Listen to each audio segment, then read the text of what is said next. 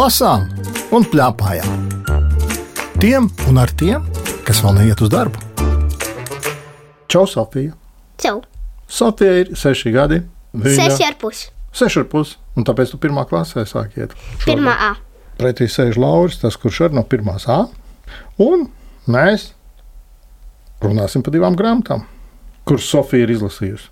Man nebija jālasa, man lasīja priekšā. Tā, Es pati izlasīju šo lielo, bet tajā pašā vakarā man atpūst no smūtija, un man bija jādzied, vēl man bija jāieraksta Lienorai, jo viņi gribēja dzirdēt, kā es dziedu.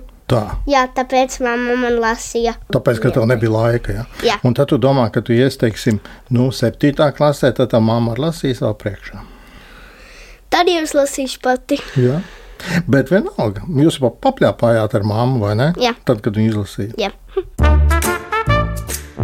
Pirmā grāmata, par kuru mēs parunāsim, kas aug parkā. Tās autori ir Katerina Mihaļīcina un to zīmējusi Oksana Būla. Viņas abas ir ukrainietes.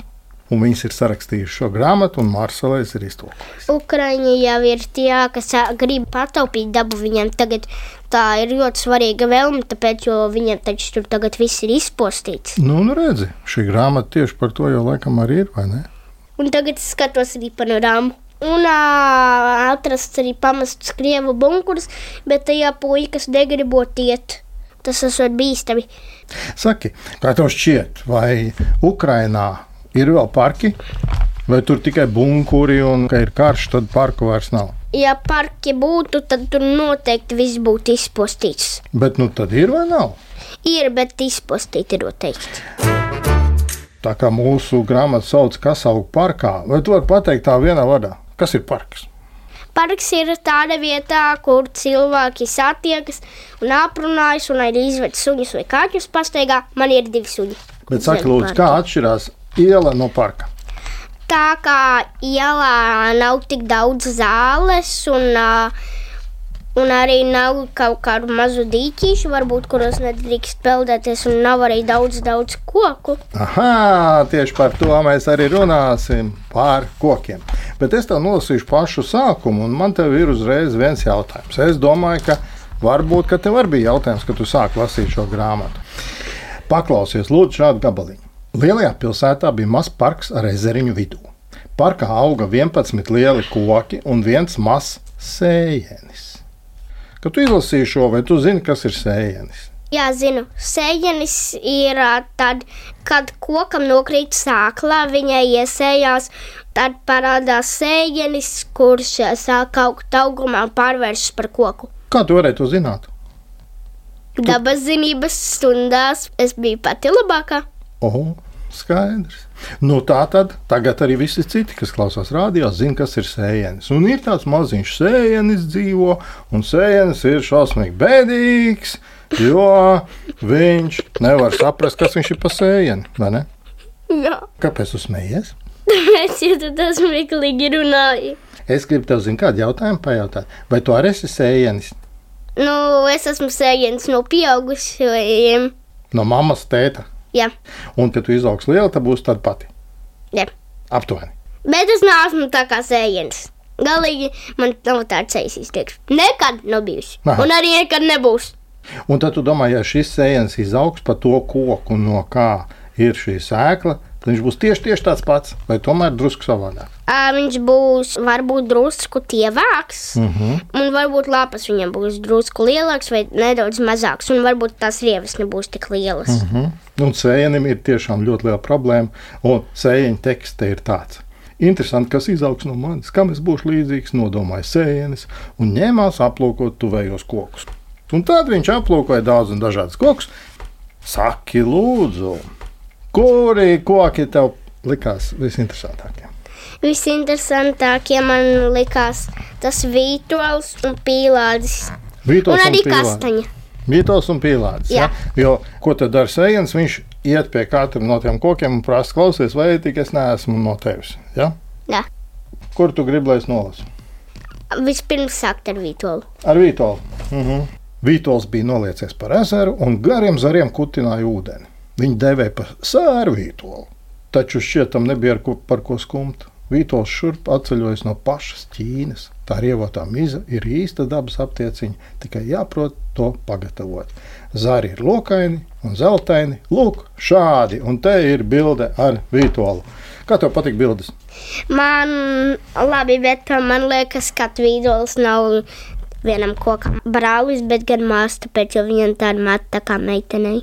Ā, man arī ir tādi, varbūt kā meitenei, tādi gari mati. Nu, būt. dažiem cilvēkiem ir gari, bet ir. Jā. Un arī jā, ir. Jā. Saki, lūdzu, tu visus šos kokus pazini? Visus, pilnīgi, Pilnīgi visus. visus. Tikai vītolu es nepazinu lieliski. Tā. Un tāpēc viņš tev patīk vislabāk. Ja? Jā, Man patika kalnu kļava. Tu tādu koku esi redzējis, kalnu kļavu. nekad neesmu redzējis, bet es par viņu esmu ļoti daudz dzirdējis. Pazini, jā, un ko tu esi dzirdējis? Nu, man liekas, ka pārsvarā neviens par viņu nerunā, bet, ja kādreiz kāds ir runājis, tad es to noteikti esmu aizmirsusi. La, la, la. Es to atgādināšu, ka kalnu kļavas dzīvo līdz pat 500 gadiem. Un arī šī bija ļoti veca, pati vecākā, pat vecāka nekā uzols. No mizas dažviet bija atdalījušās plēksnes, un zem tām vidēji sārta gluži kāda koksne. Kalnu kļavai nemaz negribējās runāt, tikai skatīties kaut kur tālumā. Viņa arī uzzīmēta tāda nikna, vai ne? Nu, nē, viņai es tiešām neesmu līdzīgs. Tas jau uzreiz redzams, sējiens pie sevis noteica. Bet vēl jau esi tu, un viņš iet tālāk. Kur gabaliņu tu gribētu nolasīt no grāmatas? Es jau zinu. Nu, Lūdzu, Tā. Varbūt man kāds atjautāja rāmā balsī. Sēdz patēlu, lai tās lapiņas un palūkojas tur. Atstatus no pārējiem augiem un milzuma augsts koks. Tam bija pelēk brūns stumbrs un ļoti neparastas lapas, līdzīgas zaļiem tauriņiem vai japāņu vērkiem. Lūk šādas. un atkal ir uzzīmēts, kādas ir tās lapas. Jā. Jā. Mhm. Vai tavas lapniņas ir tādas pašas kā mana brīnījā sēnes? Kā tevi sauc? Es teicu, atbildēju, ka gings. Es esmu gings. Ginks. Tieši tā, gings. Šis vārds nozīmē sudraba aprikāze, un tu vari man saukt arī šādi. Cik skaisti, un es esmu tev līdzīgs? Jā, tu esi līdzīgs man, jo tu esi mans sējens. Es gaidu tevi jau daudz, daudz gadus. Tagad esmu laimīgs, jo laime ir atrast šajā pasaulē kādu, kurš tev ir līdzīgs. Kaut vai lapiņas ir līdzīgas, kaut vai rieviņas mizā. Pa parku parasti staigāja viens otram līdzīgi mazi un lieli cilvēki. Līdzīgi meloži, lai gan divus vienādus viņu vidū nevar atrast. Līdzīgas varnas, bet cik tam dažāda acu izteiksme. Līdzīgas skudras, bet ieskaties, dažai trūkst ūsuņu vai kājiņu. Līdzīgas mārītes, bet katrai punktiņa citādi, tāpat kā spārnu no krāsa. Jā, jā, un tauriņi tie bija pavisam atšķirīgi. Katram bija četri spārni, divas ūsuņas. Bet vienalga tie bija atšķirīgi. Jā, Bet lielais gings izstiepa pretī mazajam ginkam savu zaļo lapiņu vedeklīšu. Un, viņi abi bija laimīgi. Lūk, šādi. jā, ar to grāmata beidzās, bet vai tad mēs esam visu grāmatu izstāstījuši? Nē, to grāmatu vēl vajag lasīt, vai ne? Tur ir vēl par citiem kokiem un par citiem jautājumiem. Un var uzzināt, Un starp citu, tas ir šis. to ir šī autora veltījusi savam tētim šo grāmatu. Laikam viņš ir armijā. Varbūt. Pajautāsim tai mammai, vai viņa ir lasījusi un vai viņa saprata šo grāmatu, un kas viņai tur patika vai nepatika. Mamma saka, ka ļoti forša grāmata. Mēs lasījām par kokiem, pētījām lapas un pētījām, kā var taisīt degunus no kļavu Un uztaisīt Ziedeņiem? jancīgu cilvēciņu un uztaisīt jancīgu cilvēciņu. no cita koka. Un mēs runājām par bērnu sulu, kā mēs teicinām bērnu sulu, un par liepziediem, kā var dabūt medu. Jo mums teica, ir bitinieks.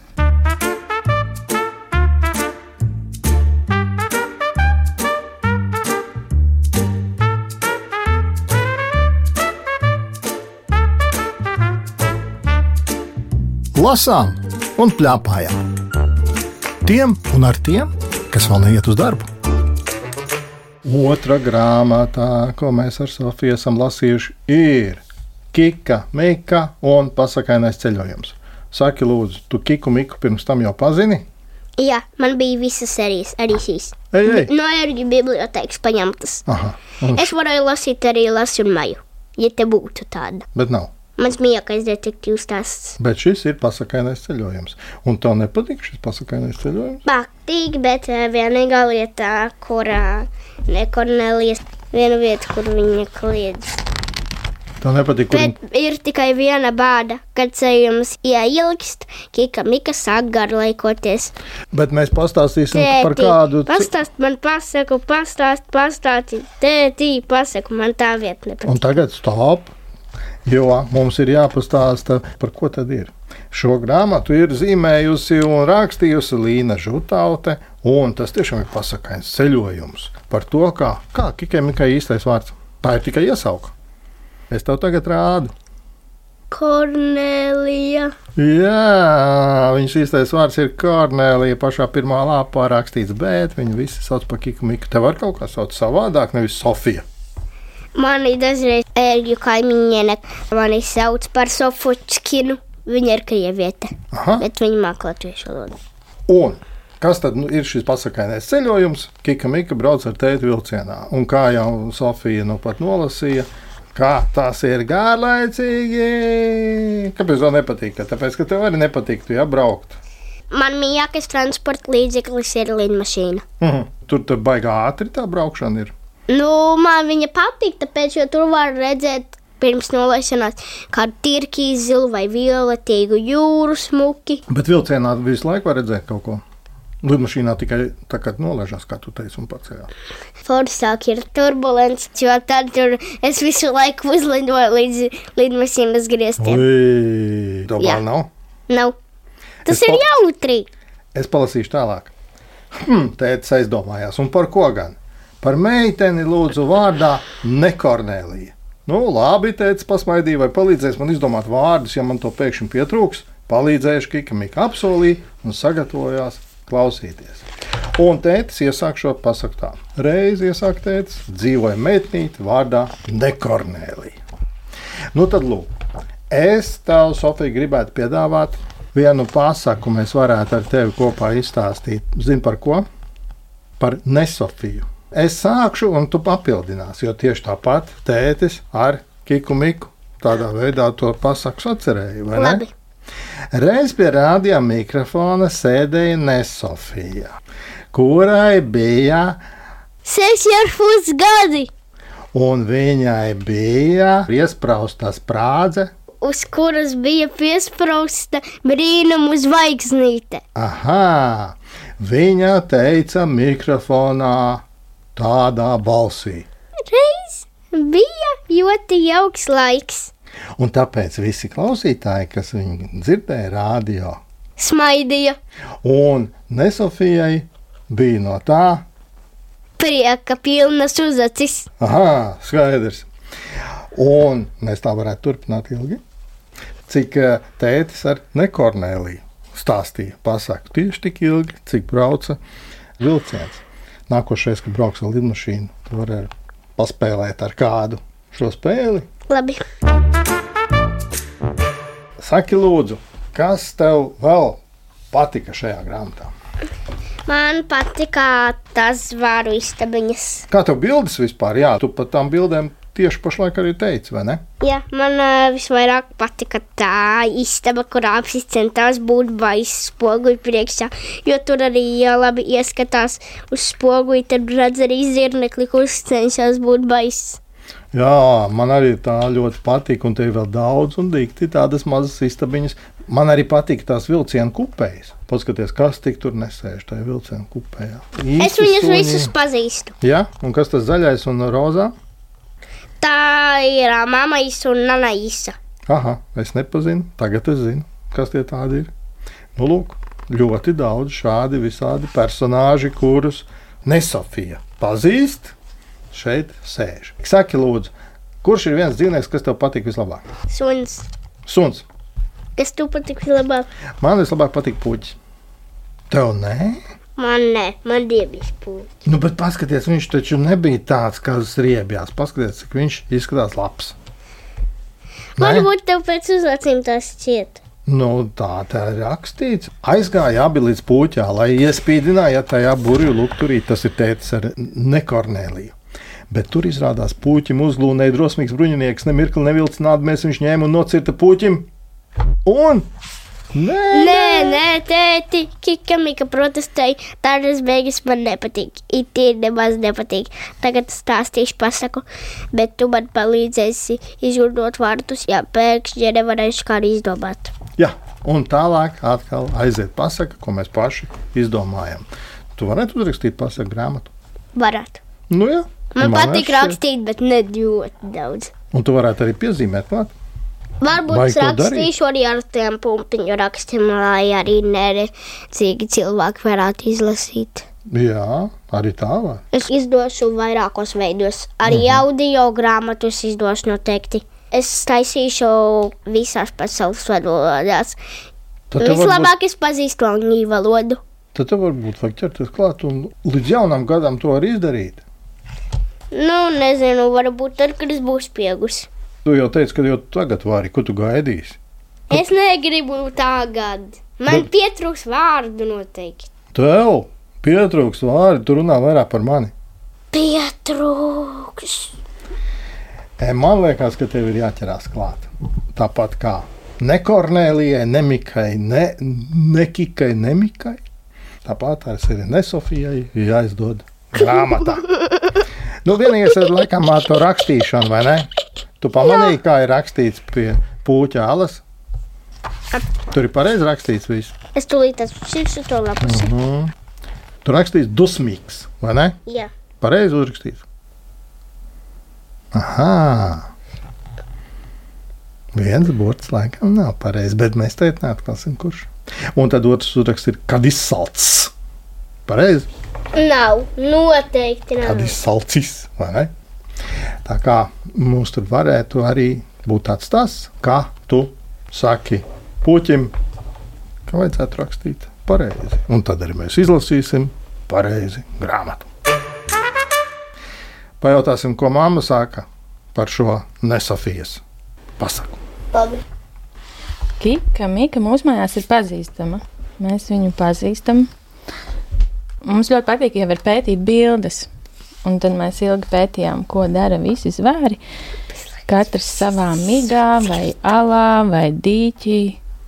Tad tā grāmata ir jālasa ilgi. Jāpēta, tur ir jāpēta un jāizdomā stāsti, kādu glazūru zīmē eži, kāds rezultāts ir vāveru pingpong mačā. Mhm. Un ir ko darīt. Ar Sofiju runājās Lauris Gundars, raidījuma redaktore Agita Bērziņa, skaņu režisori Gunārs Plūcis un Valdis Raitums. Raidījumu vēlreiz var noklausīties Latvijas radio lietotnē, mājaslapā un arhīvā. Tiekamies!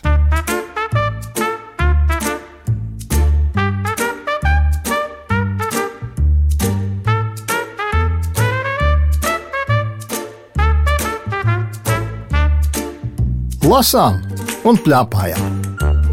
Tiem un ar tiem, kas vēl neiet uz darbu.